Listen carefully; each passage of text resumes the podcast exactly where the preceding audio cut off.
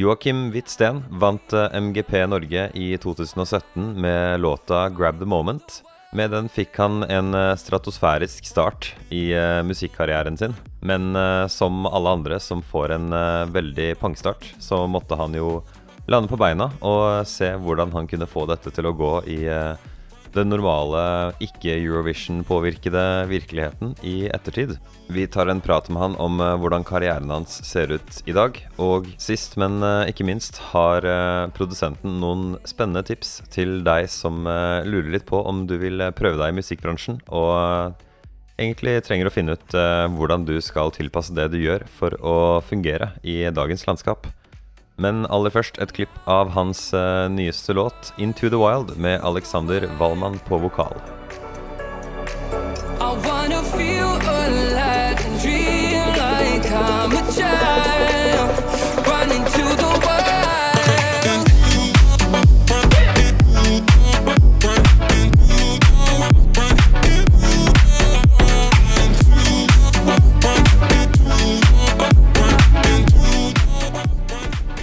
Du er eh, på min podkast. Jeg er i ditt studio, så eh, jeg vet ikke hvem som ønsker hvem eh, velkommen her. Ja, velkommen til studio. Studioet ditt heter um, Det heter egentlig ingenting. Det er, en, ja, det er en del av noe som heter Triplet Studios. Ok. Uh, men uh, mitt studio heter bare studio nummer seks. Ja. ja. Det ligger i Oslo? Ja, i Skippergata. Ja. Skal ikke si nøyaktig adresse, så Nei. slipper du um, uh, man, man, sier joust. Joust, ja. ja. Jeg mente at uh, jeg hadde hørt ordet før, uh, og så slo jeg det opp i stad. Ja, ja. Og så fant jeg ut at uh, det betyr å slåss på ridderlig vis fra ja. hesteryggen. Gjerne med lanse. Det uttales likedan, men skrives annerledes. Joust, ja. ja. og det var jo litt lættis, på en måte. Når jeg For altså, navnet er jo bare satt sammen av mitt navn, Joakim Hvitsten. De bokstavene her, ja, de to første fornavnet og to Altså, ja, du skjønner. Um, og så og så var det noen som fikk meg oppmerksom på at det ordet der betyr uh, joust, som i jousting, dere ridderne som springer uh, Med lanse, ja. ja. Og så, var jo det med på å forme den maska. Den maska det lurte jeg på. Så kult. Det er det, altså. Mm, for, så når jeg sendte inn uh, ting til designeren, så sendte jeg inn blant annet riddermaska, og at han da skulle ha Ikke maska, men ridderhjelma, på en måte. Og så, ble på en måte fasongen på maska eh, basert på det. For de som ikke helt henger med her, så har du som, som, sånn som Deadmas, han har en sånn uh, musehode oppå hodet sitt som han bruker konserter, på konserter. Ja. Du har en slags Det ser ut som en sånn rustningmaske med masse lys på, og så en liten sånn eh, brevsprekk du ser ut av, på en måte. Ja. Uh, men ja, bare gå på Spotify-profilen din, så ja. ser du bare på albumcoveret, så har du hodet ditt uh, med maska der. Det stemmer. Um, de fleste av oss kjenner uh, jo til låta 'Grab the Moment', som vant MGP Norge i 2017. Ja. Men ved siden av det så tror jeg egentlig ikke det er mange som vet så mye om deg. Du, du bor og jobber i Oslo. Det stemmer. Mm. Hvordan ser egentlig hverdagen din ut i dag? Mm, hverdagene, eh, mandag til fredag nå, ser ut som, eh, som en vanlig jobb, nesten. Eh, fordi at jeg drar til studio klokka ni, og så drar jeg herifra klokka fire hver dag. Det er mange musikere som sliter med å De har det som mål, at de vil klare å ha det som en vanlig jobb, da. Ja. Eh, har, I mange år så har jeg hatt, uh, hatt fra ti til ti og sånne ting, liksom. Sånn fra når jeg klarer å stå opp, til eh, når jeg må dra hjem, på en måte. Men så fikk jeg barn for tre år siden, og eh, siden da så har jeg eh, i stor grad hatt sånn 9-4-jobb. Mm. På grunn av det, så da har jeg bare tilpassa meg. Men hva, hva, er det du faktisk gjør? Jeg ser vi sitter her Du har en massiv uh, Du har en skjerm som er så brei at den ser nesten ikke ekte ut. eh, du har et eller annet musikkprosjekt oppe som jeg ikke skal uh, trygle meg til at du skal spille av noe fra. Men hva er det du faktisk gjør? Nei, altså, det prosjektet jeg har oppe i bakgrunnen her nå, det er på en måte et av mange prosjekt for tida, som er låtskriving. Det er det jeg på en måte hovedsakelig driver med nå. Tekst, eh, ja, melodi, produksjon, hva er det du faktisk gjør? Eh, vi har sessions, jeg og andre låtskrivere, og så lager vi sanger fra scratch. Eh, enten for eh, noen av dem som er her, eller for hvem som helst. Sånn for pitching. De, Sånne låter som vi da skal sende til litt sånn, gjerne litt større artister, for å så se etter om de har lyst til å ta over og gi det ut i stedet for. Og så eh, produserer jeg videre på det etterpå. Enten etter at de, noen har sagt ja, eller eh, før noen sier ja. Så på låtskriversession så lager vi låtene. Skriv tekst og melodi og spiller inn eh, nødvendige ting. Og så må, blir det jo litt sånn etterarbeid for meg, siden jeg må få det til å høres kult ut også. Det er jo uh, bare for uh, folk som ikke har hørt på, hørt på deg. Bare gå på Spotify-profilen din, så er det Det er jo ikke alt du har gjort som er med navnet ditt på, har jeg skjønt. Mm, nei, Nødvendigvis. nei, det er det ikke. Jeg, jeg jobber også som produsent for andre. Man kan jo høre på f.eks. hun som bare bruker eh, navnet Oda. Ja, Hun har et par låter. Nå husker ikke jeg farta tittelen. Et. Tre, tre låter med hun. Tre låter. Forever or Never, og en som heter Brain versus Heart, og en som heter Don't You Know. Ja. Mm. Stemmer. Er det, hvis jeg kan spørre rett ut, er det, hold, er det liksom noe som får, du får det til å, gå, til å gå rundt med å drive kun med musikk? Ja Jeg gjør det. Jeg gjør det. Ja, men du gjør ikke bare produksjon og sånn Nei, du, du altså hadde en låtskrivercamp, skjønte jeg, Ja, nylig. så låtskrivinga er på en måte det jeg direkte tjener minst på. Fordi at eh, det er ingen som betaler for at jeg skal skrive en låt, på en måte. Eh, de produktene, de låtene som blir skrevet, dem får jeg jo bare betalt for eh, via Tono, på en måte. Ja, via avspillinger og nedlastinger som ingen det- gjør lenger, men ja. når det blir brukt i ettertid. Mm. Så det, det jeg hovedsakelig på en måte tjener penger på, er jo på en måte produksjoner og miksing og mastering. Og litt sånn opptak. Opptak av at folk skal spille inn vokal på en annen sang som jeg ikke har vært med på å lage. Som jeg bare da Du er som, som tekniker, da. Ja. ja. Min interesse eh, med ja, i at jeg ville snakke med deg i dag, da, det er jo det Jeg husker at du var innom da jeg gikk på Noroff, hvor du også gikk litt Mm. før meg. Eh, og jeg husker at du hadde veldig mye interessant å si om eh, den såkalte anatomien av en god låt eller en hitlåt. Blant annet så husker jeg du sa én ting som jeg har tenkt på veldig mye, som er at ofte når du hører en sketsj, eller en, altså en skisse til en låt, Ja. Så reagerer du på at den ikke går fort nok. Ja. Stemmer det? Er du, for, er du fortsatt enig i det? Ja, jeg husker det må, Jeg må ha sagt mer enn det, da. Men Du eh, sa mye, ja. eh, men det var, jeg bare Den har jeg tenkt, den har Ja. jeg tenkt mye på selv. eh, det er ofte en ting jeg tenker over om det går fort nok eller ikke. Det er veldig vanskelig å si, avgjøre, på en måte, når du skriver den, og rett etter du har skrevet den. Så jeg klarer først å avgjøre det en stund etter eh, at jeg har skrevet den. Kanskje dagen etterpå, men helst litt eh, lenger.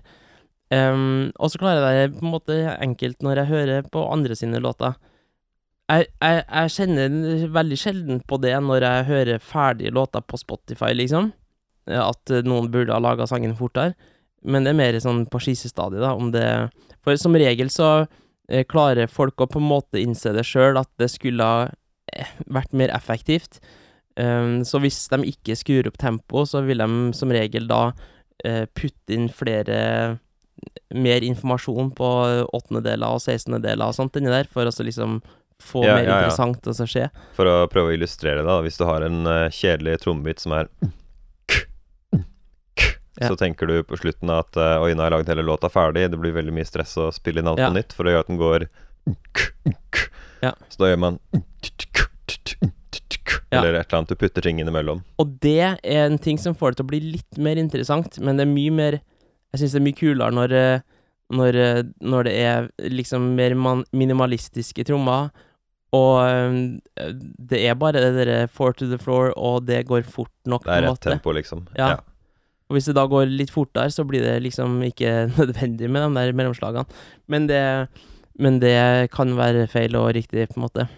Ja, alt, eh, alt ettersom. Ja. Um, nei, du, du sa mye spennende. Jeg, jeg tror det er mange som ikke kjenner historien bak eh, MGP-låta di.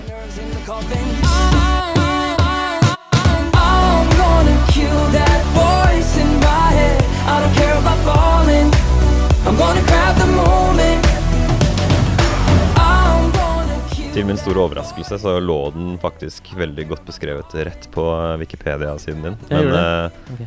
Ja, det du, du har ikke skrevet den selv, altså? Nei, jeg har ikke det. Det er mange som gjør det. Eh, jeg antar at det er noen i dere MGP-universet av dere fansene for Eurovision som har skrevet det. Ja, ja, fordi artiklene jeg så på, var for sangen 'Grab the Moment'. Ja, okay. Og den var lenger enn veldig mange artikler jeg har lest for ting som på en måte er Ja. veldig store nå. Ja. Så jeg tenkte her har noen virkelig gått inn, så jeg trodde kanskje det var deg. Ja, men nei, eh, det var ikke det, men greia er at eh, innenfor Eurovision så er det kjempestor interesse. Eh, ikke blant alle, ikke blant norske folk generelt, men, men i Europa og i verden så det var på norsk, da. Ja. Så Men det, det, det, det er mye gærne folk så, fra Tyskland som plutselig har lært seg norsk, for at de er veldig fan av, av, av norske Eurovision-låter, på en Ja. måte. Og jeg har hatt flere av dem som har tatt kontakt og prøver å skrive på norsk, og så spør de om grammatikken var riktig. Og så, og så sier jeg nei, ikke helt, eh, og så forklarer jeg, men eh, fordi at de har liksom prøvd å lære seg norsk, da, fordi at de er fan av Norge i Eurovision, liksom. wow. Ja, Ja. Eurovision-fans er noe for seg selv, ass. Ja. Eh, det er et helt annet tema, men bare sånn kort fortalt, hvordan var det den låta ble til? Um, Du trenger ikke å ta alle detaljene, men bare så folk har en liten oversikt, liksom. Jeg, det starta med at jeg bare laga en instrumental, og så eh, tok jeg kontakt eh, med folk på Facebook for å liksom finne en vokalist, og så fant jeg en vokalist, og så skjønte jeg bare at en sang burde ha litt eh, mer eh, Altså, hvis jeg er en ny artist, og jeg skal gi ut en ny sang, eh, og ingen har hørt om meg fra før av, så må det liksom være noe mer rundt den utgivelsen enn bare her en, en ny sang i dag på Spotify. Eh, så jeg prøvde liksom også liksom inkludere folk litt mer, og jeg laga på en måte en slags um, blogg på Facebook. Mm, en, En en, en lukka gruppe. liksom. Ja. Ja, en gruppe der jeg hadde mine venner og tidligere arbeidskollegaer og skolestudentelever og sånt. Og så, og så posta jeg utkastene underveis, og jeg kalte gruppa for Joust Making a Hit. Og da var på en måte målet da, at jeg skulle lage en hit. Og um, tok også posta, og så fikk tilbakemeldinger, og spurte om tilbakemeldinger. Og posta litt mer sånn der eh, nerdeting eh, også, ikke bare låta, men liksom hvilken mikrofon jeg brukte og sånt. Og så mm, ga folk tilbakemeldinger, og så jobba jeg videre, og så skjedde det på nytt og på nytt igjen i 22 utkast, tror jeg. 21, kanskje. Eh, og så mm, fikk jeg platekontrakt eh, på den sangen etterpå, og så ringte MGP og eh, sa at de ville ha med sangen. Og så sa jeg først nei, fordi at jeg hadde fått platekontrakt, og at eh, den skulle bli gitt ut på en annen dato og sånt. Men så foreslo de at vi kunne liksom gjøre begge deler, både gi den ut på eh, via det plateselskapet og ha den med i Melodi Grand Prix. Og så eh, måtte jeg da finne en ny vokalist, fordi at han låtskriveren, Jonas, som eh, var den originale vokalisten, hadde ikke så lyst til å være vokalist på MGP. Og så eh, Tenke seg til. Ja, det er jo mange som har litt sånn der eh, eh, Hva heter det? Stage fright, altså Nei, sceneskrekk. Ja, ikke men det er ikke det jeg tenker på. Jeg tenker på at det er mange som har litt sånn der forutinntatte Forutinntakelser, ja, for uh, MGP. Ja, og Eurovision. Og tenker derfor at det er noe som ikke er for dem. Jeg tror han tenker litt annerledes om det i dag, og, eh, om den konkurransen, for nå har vi liksom fått vært med oss og sett hva det egentlig dreier seg ut på. Um, men så måtte jeg finne en ny vokalist, og fant da Alexander Wallmann, og så ga vi ut låta, og så vant den Melodi Grand Prix, og så får vi på europaturné, og så får vi på eh, Eurovision i 2017. Mm. Jeg, jeg bare lurer på, um, basert på hvor god innsikt du eh, viste å ha liksom i den låta, for du hadde litt sånn hva skal man si, utvida presentasjoner av hvordan den ble til og sånn på uh, Noroff, da du var på besøk der, da jeg var student der. Så tenkte jeg liksom, han fyren her, han kommer til å utvikle seg, han kommer til å fortsette, liksom, han, han har ikke stoppa nå. Nei. Så jeg lurer på, den låta var i 2017. Ja. Er det sånn at du hører på den nå og liksom tenker ah, hvis jeg bare gjorde liksom den ene tingen Ja, jeg tenkte rett etterpå, sånn eh, type eh, tre måneder etterpå, eh, etter at jeg har gitt den ut, så tenkte jeg veldig masse på ting jeg ville ha gjort annerledes inni der, fordi at jeg på en måte lært nye ting og sånt, men etter at vi var med på Eurovision, så har jeg egentlig aldri tenkt på det, på at jeg ville ha gjort den annerledes, fordi at jeg skjønte liksom at folk likte den sånn som den var. Ehm, det har aldri vært noen tanker om å gjøre om låta, det har vært mer sånn lyddesign, sånn der skift ut kick eller skift ut Ja, ja, ja, ting. symbal og sånne ting, liksom. Mm. Og, og egentlig så har jeg gjort det. Har Eh, du faktisk gjort det? Ja, så tre Altså, rett etter vi vant Melodi Grand Prix, så sa han der ene fyren i plateselskapet til meg at uh, han hadde hørt på radio, og at uh, den sangen vår hørtes ikke like spenstig ut som sangen før, uh, når, når den kom. Å ja. Så også, dere har faktisk endra den? Mm, og så sa han eh, at, eh, at eh, det er mulig å endre den, og bytte ut fila, liksom, på Spotify. Ja, absolutt. Det vet jeg jo. Og, Det er det mange som ikke vet. Nei, jeg vet det. Og det er ikke så enkelt for en eh, indie-artist å gjøre det. Det, det kan mener at man kan gjøre det ganske enkelt via sånne Hva er det, DistroKid og sånne ting? Jeg lurer på om de lar deg det, det er nok noen distributører som har nå, men uh... Ja, ja, men sånn er det noen distributører som eh, har gjort det enklere enn andre for artister. mm. Um, men eh, hvis, du har, hvis du gir ut musikk med f.eks. Lander, som er sånn der så å si gratis, og du får 100 eh, av inntektene dine, så er det null support, så å si, på en måte, og da, da er det veldig vanskelig å få til å endre ting, på en måte. Ja. Ja. Så vi, men eh, greia var at den sangen skulle være med på en sånn Eurovision Best of-CD, album, Mm. eh, som vi har liksom skrevet under på i anledning Melodi Grand Prix, at den skal være med der. Og de måtte få den samme lydfila som var på Spotify, eh, og iTunes så videre, den offisielle utgivelsen. Eh, så vi hadde en frist da å forholde oss til, og det var den datoen vi måtte sende dem låta. Og det var typ i overmorgen når han nevnte det. Så jeg heiv meg rundt i studio og gjorde sangen bedre, bytta ut kicken og bytta ut eh, enkelte ting, og tok bort noen ting som var litt sånn overflødig, som bare rota det til og sånn. Og så eh, sendte vi det til mastering, og så tok masteringsteknikeren og putta den gjennom samme master som før, eh, og har på en eller annen måte glemt å sette på limiteren. Dette er for de som lurer den, det siste taket på hvor høyt lyden kan gå, på en måte. Ja. Den siste komprimering i volumsjusteringa som gjør at Ja. det blir høyt nok, og like Ja. høyt som alle andre. Eh, så når vi fikk resultatet, sånn type eh, t- 13 minutter etter fristen, så eh, var den altfor lav.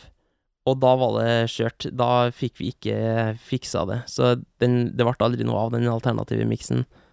Å ja, så, så det, det du sier er at det fins egentlig fra deres side en Det, En det skulle versjon. være en bedre versjon, Ja. offisielt bedre versjon, men det var bare en frist og noe teknisk som Ja. I surr. Så den ble ikke tilgjengelig for folk. Det er, ikke, det er ikke mulig å gi ut den senere, da, med bare Det høres ut som en utrolig artig historie å ta Ja. liksom på sos sosiale medier med en sånn Instagram-video og Det er sant. Jeg burde ta så prøve å finne den. Jeg, jeg så faktisk etter den her en dag, og fant den ikke. Men jeg prøvde ikke så hardt. Jeg skal se. Ja, ja, Ja. Det, du absolutt. Uh, jeg uh, diskuterte med en venn her forleden. Jeg sa jeg skulle intervjue deg. Ja. Uh, altså Han er fra Canada, så han, har ikke, han får jo ikke med seg MGP engang. Så Nei, han, nei, nei. han visste ikke hvem du var. Men så liksom forklarte jeg litt, da.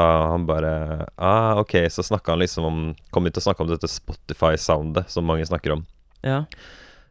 Spotify-soundet er jo ikke en snakke om på en måte hvordan en låt høres ut, sånn hvilke lydbølger som kommer, men det er heller sånn hvordan du setter opp låta, da. Arrangementet, liksom. Ja, arrangementet. Så typisk eksempel på Spotify-soundet er at uh, låta er kort. Ja. Ikke så mye mer enn Aldri mer enn tre minutter. Nei. Ofte to. Uh, ta for eksempel Old Town Road, den originale, er jo bare to minutter eller mindre. Ja.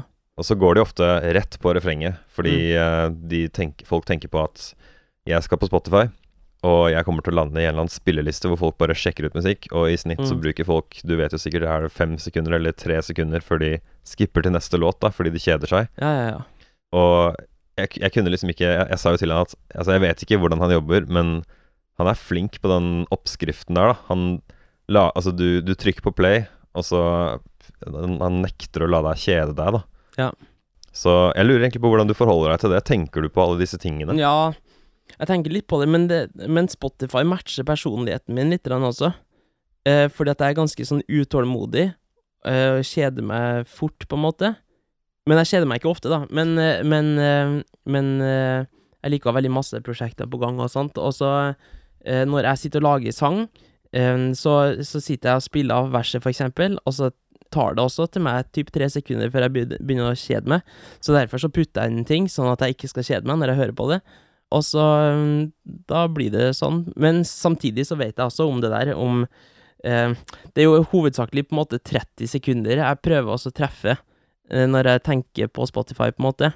Eh, selv om folk bruker fem på Nei, fem sekunder på å avgjøre om de skal trykke på neste eller ikke, eh, så vet jeg også at det er 30 sekunder som avgjør om det blir telt som en stream eller ikke.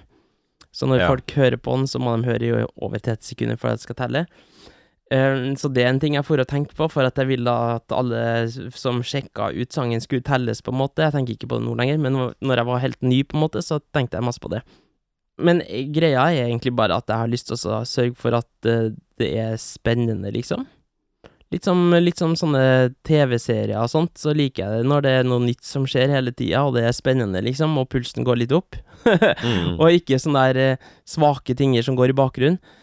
Eh, det er noen som liker det, da. Eh, så folk som lager litt sånn der eh, Deep House, for eksempel, liker ofte sånne låter på fire-fem minutter som har liksom en loop som går litt for lenge. Ja, sånn, ja. og det Ja, jeg har faktisk- Jeg har faktisk snakka med folk som genuint blir skuffa over at en låt bare er ti minutter i sånne elektroniske Ja. sjangere. Det er bare åh, serr, har de liksom ikke en lengre en? Jeg vil bare skru på den låta her, og så vil jeg bare bli borte i den låta. Jeg kan på en måte relatere til det, Ja, ja. men jeg kan så sykt også relatere til å høre på en låt og bare tenke at uff, her er den loopen der, som du sier, den biten her av låta, den har liksom repetert seg en gang for mye nå, liksom. Ja. Uh, så det er ikke noen ganger sånn at det er litt sånn slitsomt. Du føler på en måte at du har et sånn press som ikke passer med din uh, hva skal man si, kunstnervisjon. Som på en måte Jo For det er mange som sier at det er litt sånn At det kan bli litt sånn soul-sucking. At man mister liksom sjela si Mister seg selv litt i det, da. Ja, jeg forstår det. Og jeg føler nok litt på det også, men jeg føler nok litt mer på det sånn generelt, ikke i hver eneste låt. Ja. Så når jeg lager én låt, så sitter jeg liksom og så gjør det jeg vil eh, på den sangen, på en måte, eh, og tenker ikke så mye over eh, ting. Sånn rundt, sånn strategi, på en måte. Jeg begynte å tenke mer og mer på spillelista, og at en sang skal være spillelistevennlig. For jeg husker fra tidligere utgivelser, når jeg har for oss og pitcha låtene til sånne folk som setter sammen spillelister, at uh, tilbakemeldinga er ofte at ett parti i låta ikke matcher helt spillelista. Og, og det var en ting jeg ikke tenkte på før, som jeg har tenkt på mer etterpå når jeg lager låter. At, og det er også en sånn ting som på en måte matcher personligheten min, at jeg liker sånne låter som er litt sånn schizofren, som har et veldig rolig vers og et uh, superheftig refreng og uh, noe uforventa sånn ellers. Mens spillelista er som regel ikke lagt opp til det. Det er liksom Enten så er det workout playlist, der det skal være høy puls. opptempo hele tiden, Ja. ja. Eller så er det chill out, der det skal være helt chill out hele tiden. Det er liksom ikke noe sånn der chill out and work out a little bit of both. Songs with contrasts in them. Det har liksom vært en uh, greie. det, det ville vært spillelista mi, liksom. Vet du hva, jeg, jeg er helt enig, og jeg tror egentlig at de spillelistene de er på en måte for en veldig spesifikk situasjon. Akkurat som russelåter. De er liksom ikke til å legge, sette deg ned på sofaen med et eh, glass rødvin på en lørdag kveld, liksom, og Nei. ha liksom en date night, og så har du på Tix. Det er ingen som gjør det. Nei, altså, min favorittmusikk er sånn, sånn, er sånn musikk sånn som jeg hører på i headsetet mitt alene. Mm. Ja, absolutt. Helt enig. Og men sånn som samboeren min, kjæresten min, hun øh, har ikke noe med musikk å gjøre, bortsett fra at hun er sammen med meg. Eh, Så hun, så hun hører og ser på musikk på en helt annen måte. Så av og til når jeg viser henne sånne sanger som jeg jobber med, så spør jeg liksom Men hva skal denne sangen her brukes til? sånn, hva, hva, hvordan skal folk bevege seg til den sangen her, liksom? Ja, sånn, ja. Er det sånn her man skal danse, og så gjør han noe veldig rart som faktisk passer til musikken? og så tenker jeg nei, det er ikke sånn man skal bevege seg til den. Og det er også en ting jeg har begynt å tenke mer og mer på de siste to-tre årene, er liksom hvordan folk skal bevege seg til musikken, um, og hvordan jeg vil at de skal bevege seg til musikken gjennom hele sangen. Sånn, for, for det er også sånn der fest, Du vet sånn festivalmusikk, liksom? Der er det, er det ofte litt sånn der energi, sånn grei energi gjennom halve låta. Ikke første halvdel, men gjennom 50% Og så er det sånn superhopp-greier i droppene, liksom, der alle står og hopper og er Ja. kjempeglad. Eh, og da kan du på en måte ikke begynne å legge inn en groove og og melodi som eh, tilsier at folk skal gynge til høyre og venstre med lighter over hodet, på en måte, midt i en sang som plutselig går over til hoppestemning. For det, Mm. for det, det, det er klønete, liksom. Ja, jeg, jeg tror for det første det er veldig stor appell i låter som har kontrast, men ikke nødvendigvis for de uh, spillelistene. Nei. Et godt eksempel er jo selvfølgelig eh, Billie Eilish, som Ja. har eh, den, Jeg husker ikke Jeg tror den, den heter eh, Zanny. X-A-N-N-Y.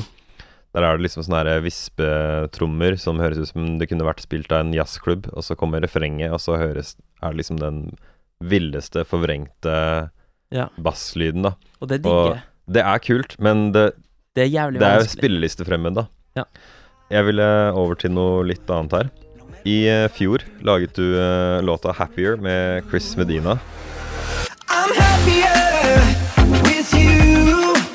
De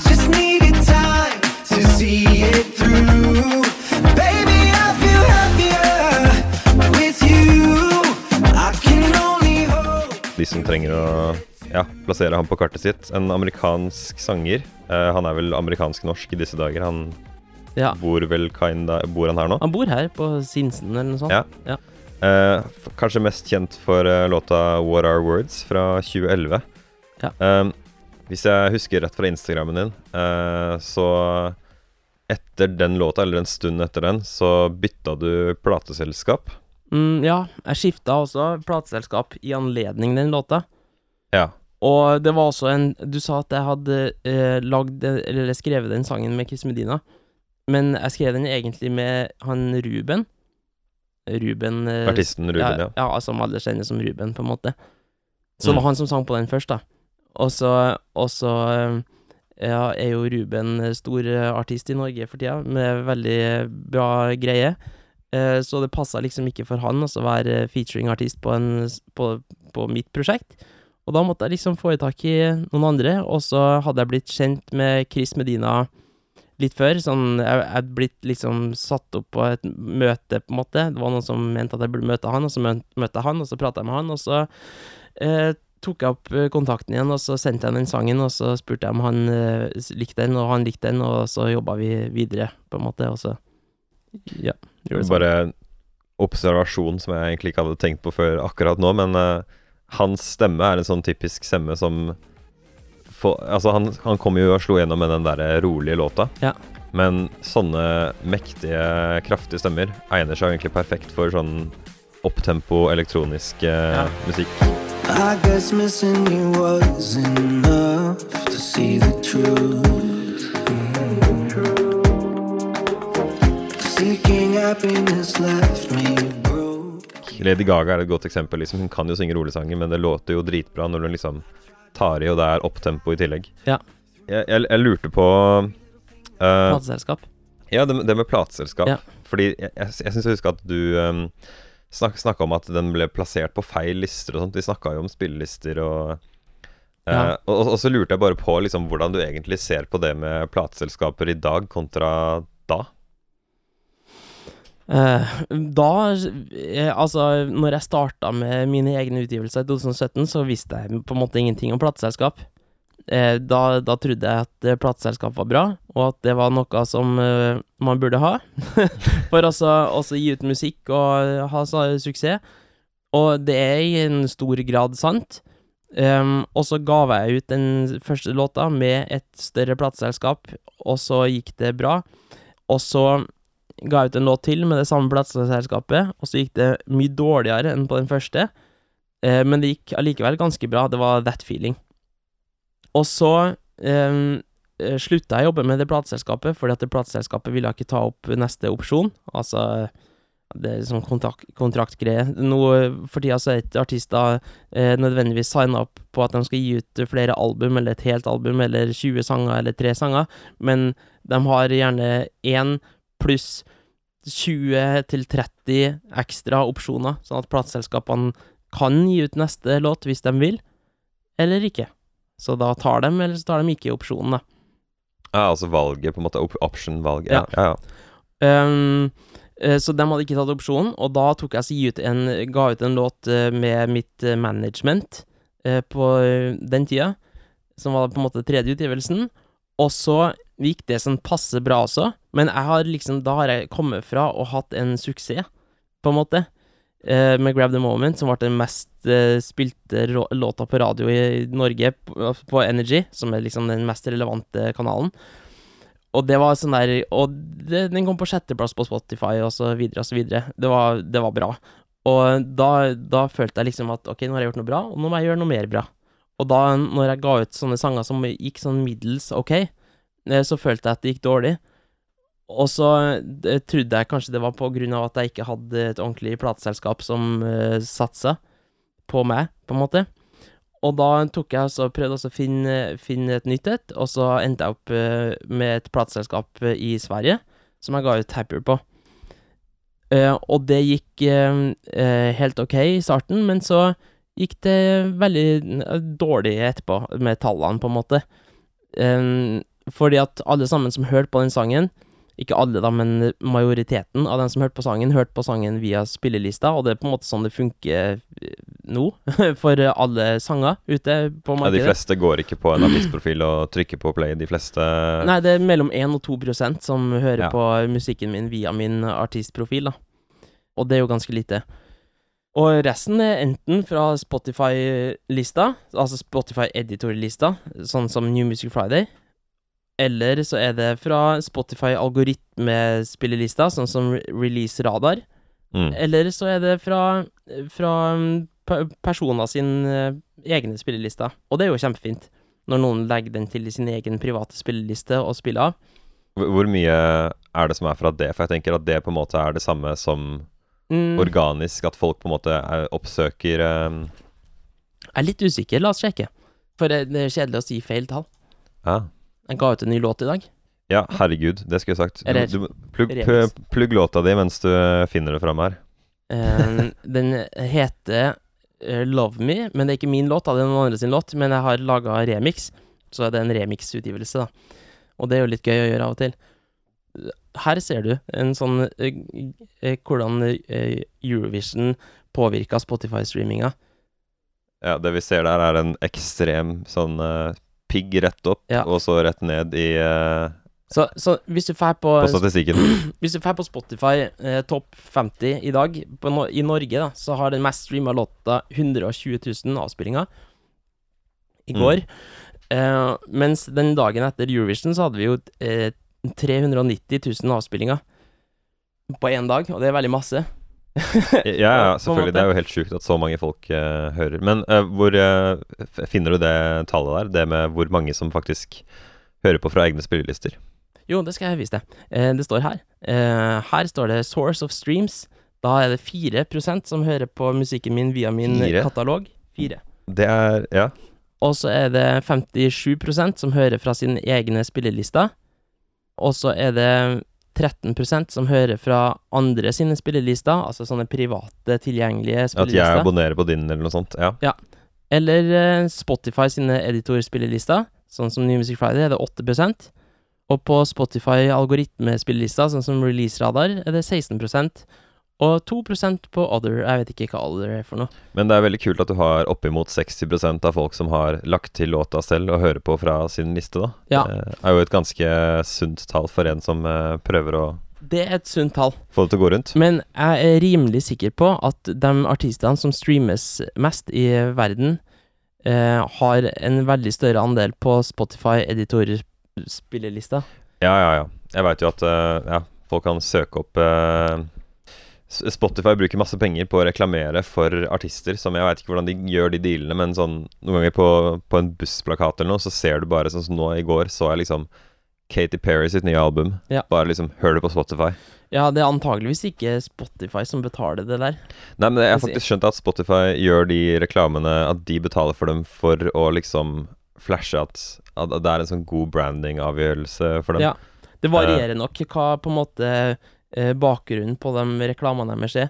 D- Spotify reklamer, reklamerer sikkert for Spotify også, for å få folk til å høre på Spotify. Ja, det er det de bruker det som det, da, har Ja. jeg liksom skjønt. Uh, Og da er jo Katy Perry en veldig fin artist også, på en måte, bruk. ja, ja, absolutt. Ja. Uh, jeg hadde lyst til å spørre deg hva du syns er uh, Hva ville du tenkt deg smart å gjøre? For eh, hvis jeg er en, eh, up and coming, og jeg har liksom skjønt at eh, dette med musikk og musikkbransjen, det er noe jeg har tenkt å prøve meg på.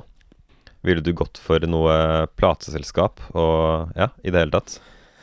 Eh, Ja, det spørs, da. Det, det, det, hvis du Hvis du Hvis du er en artist, så ville jeg spurt hva du holdt med først, eh, og så ville Hvis jeg er en kopi av deg, da. Hvis du kunne gitt deg selv et råd i eh, 2017, en som har Har den låta, har Grab the Moment. Ja, kanskje i større grad også gå for en spesifikk sjanger.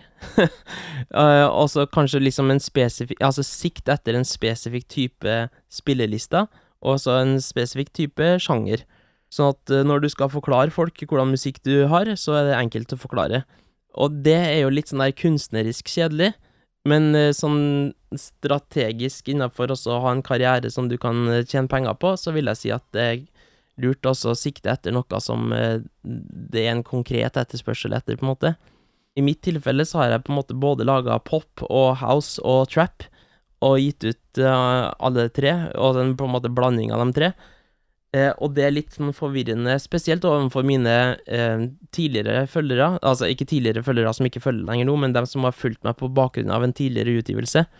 Så dem som har fulgt meg på Spotify, for eksempel, eh, på bakgrunn av Grab the Moment, de liker jo på en måte 104 BPM eh, EDM-pop.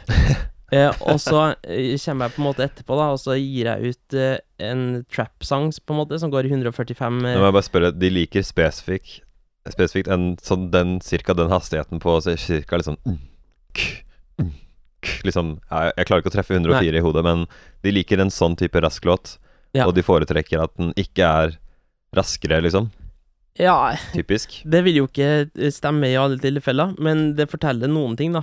Eh, sånn som Det er ganske stor forskjell på 90 til 100 BPM EDM og 120 til 127 BPM EDM. For 120 til 127 BPM er litt mer eh, det du forbinder med house og sånn festival-EDM, på en måte, der folk hopper. Mens uh, 90 til 100 er litt mer sånn Alan Walker, Kygo, eh, chill EDM, på en måte. Ok, da snakker vi også om electronic dance music, bare for å Ja. Og, og så, mm, når du beveger, beveger deg over 127, så begynner du også å komme til sånne der eh, greier som passer mer innafor dubstep, trap og sånne ting. Så BPM-en for en produsent eller for en artist har ganske masse å si. Det er nok en del nok en del artister som driver med andre sjangere, som for eksempel soul eller R&B eller noe sånt, som kan ha en låt i 100, og en låt i 150, og en låt i 75, og der det på en måte høres likedan ut. Eh, der de, det samme publikummet vil like alle de tre låtene. Men eh, i EDM så blir det ganske stor forskjell på en sang, ut ifra hvor fort den går, da. Jeg syns det er kult at du bare svarer rett ut at ja, gå for en sjanger, liksom, fordi det er et svar jeg har på en måte hørt Ikke på Jeg har ikke stilt samme spørsmål nøyaktig til masse folk, Ja. men noe som ligner, da, har jeg spurt mange om. Ja. Og mange er veldig sånn de, har på en måte hver sin versjon av du må følge det du Ja. har mest lyst til. Men, Men- uh, for å ha en men- karriere, så er det ikke Det spørs hva du har mest lyst til, da. Om du vil ha en musikkarriere, liksom. Ja, men greia mi også, sånn personlig, er jo at jeg på en måte kommer fra en, en annen bakgrunn enn mange. At jeg har uh, spilt i rockeband, og at jeg har drevet som lydtekniker for både metalband og mm, klassiske gitarister og jazztrioer og alt mulig rart. Em, så jeg har på en måte litt lært meg å like litt flere sjangere enn vanlig, kanskje. Uh, og derfor, så når jeg da lager det jeg liker, så lager jeg på en måte ting som er inspirert av veldig mange forskjellige sjangere, i forskjellige tempoer, og sånne ting. Eh, så det der tipset vil på en måte være et veldig bra tips for meg, fordi at jeg har en bred bakgrunn. Mens um, jeg har også opplevd å si det motsatte til noen, men da er det gjerne på en måte en eller EDM-produsent som har eh, har gått over fra gaming til FL Studio, og sitter også, også prøver å lage noe sånn der trap som de har hørt på internett, på en måte. Og så Trap, det altså sånn den moderne hiphop-type musikk. Ja. moderne hiphop slash EDM-musikk, på en måte, Ja. med autotune og greier. Mm. Um, og når du da bare har liksom gjort det, så ville jeg på en måte ha sagt til den personen at du må prøve også eh, la deg bli inspirert av litt andre ting også, og så ikke i så stor grad gå for en sjanger. Eh, Sånn, ja. Så, Mm. så det der svaret der er på en måte eh, Ja, det Jeg spurte bare... om, om deg selv, Ja. da. Men eh, ja, du har jo på en måte tatt uh, det siste spørsmålet mitt uh, Jeg ser vi har brukt uh, Jeg har satt rekord der på tid, kanskje, men det siste spørsmålet mitt var jo hva du ville sagt til noen andre. Ja. Du har jo på en måte gitt sånn to forskjellige versjoner, da. Ja, altså det, det eh, Alle tipsene jeg har fått eh, fra andre, har som regel i gjennomsnitt da vært at du må være eh, consistent eh, Konsekvent. Konsekvent, ja. Der får de tipsene av engelske folk. Eh, og så og så sier de at hvis du bare kjører på med det samme opplegget ditt hele tida, så, så vil du til slutt få det til. Eh, og det kan være riktig, og det, jeg tror det er riktig. Men jeg tror også at det er litt sånn dumt tips å ta med seg hvis du driver med noe som ikke er riktig. Så hvis du liksom Ikke riktig. Ja, hvis du bare driver og så holder på med sånn her eh, støymusikk, og du skal prøve også å leve av eh, Altså støymusikk som i liksom, du vet, sånn at du tar opp et tog som kjører, og så er det bare Så lyden du ender opp med på Spotify, er lyden av tog og en synt som ferdig og glir opp og ned, og så varer det i tolv minutter. Det, det Det er en ting som du kanskje ikke burde være konsekvent med, eh, hvis du har lyst til å liksom drive Ja, ja. Jeg skjønner, jeg skjønner veldig godt hva du mener. Så, så Bare et ekstremt det eksempel. det er derfor jeg på en måte sier at det kan være lurt å tenke på spillelista, for eksempel. Ehm, så jeg ville ikke sagt til enhver person at de burde prøve å treffe workout-playlist eller chill-out-playlist så, eller være kommersiell, men det, sånn som en gitarist som spiller akustisk gitar og er flink på det, eh, ville et godt tips ha vært også liksom, kanskje du skal prøve å sjekke ut sånne spillelister som spiller sånn der bare akustisk musikk, eh, akustisk gitar, som heter sånn type Acoustic Guitar Café, eller noe sånt. Det er noen spillelister som masse folk hører på, som de faktisk spiller av på kafeer og sånne ting, liksom. Um, og, og du kan lære masse av spillelista, for da skjønner du på en måte da, Hvis du hører på ei spilleliste som du tror passer til din musikk, så vil du klare å danne deg et slags eh, rammeverk for hva du har lov til når du lager musikken du skal gi ut, da. Jeg tror du til syvende og sist egentlig mm, snakker om noe som koker ned til at du må finne ut hvem det er som hører på deg, og når på en måte Hva slags type Altså spillelisten sier ofte noe om når de hører på deg, hvilken situasjon. Hvis det er workout, liksom, så bare Ja. vet du at ok, de reelle folka som har lyst til å høre på noe jeg liker å lage, Mm. de pleier å trene, så kanskje tweake formelen din lite grann, sånn at du vet at det fins folk der ute som eh, definitivt vil høre på deg, da. Ja. Ja. Uh, du, vi er i ferd med å bli avbrutt her, eh, skjønner jeg. Den er klokka. Det er ikke sikkert. Ok, ja. Jeg har én ting til. Hvis vi, Du, gjerne. Gjerne. Mens vi er inne på tips til andre produsenter, eller meg sjøl når jeg var yngre, eller hva som helst, noen i samme situasjon eh, som jeg har vært, eller som jeg er i, eh, så merker jeg liksom en stor forskjell på meg og mange andre, er at jeg er veldig flink til også å ta kontakt med folk. eh, På Instagram eller på Facebook eller hva som helst, eller ring til noen jeg har eh, fått telefonnummeret fra fordi at jeg har spurt noen om de kjenner noen andre, og så spør om også å komme til studio og så jobbe sammen. Eh, eller også send instrumental til for at de skal synge på, eller, eh, eller filer til sånn stems, sånn individuelle spor fra prosjektet, sånn at en annen produsent kan prøve å gjøre sin greie, og så kan vi samarbeide, på en måte.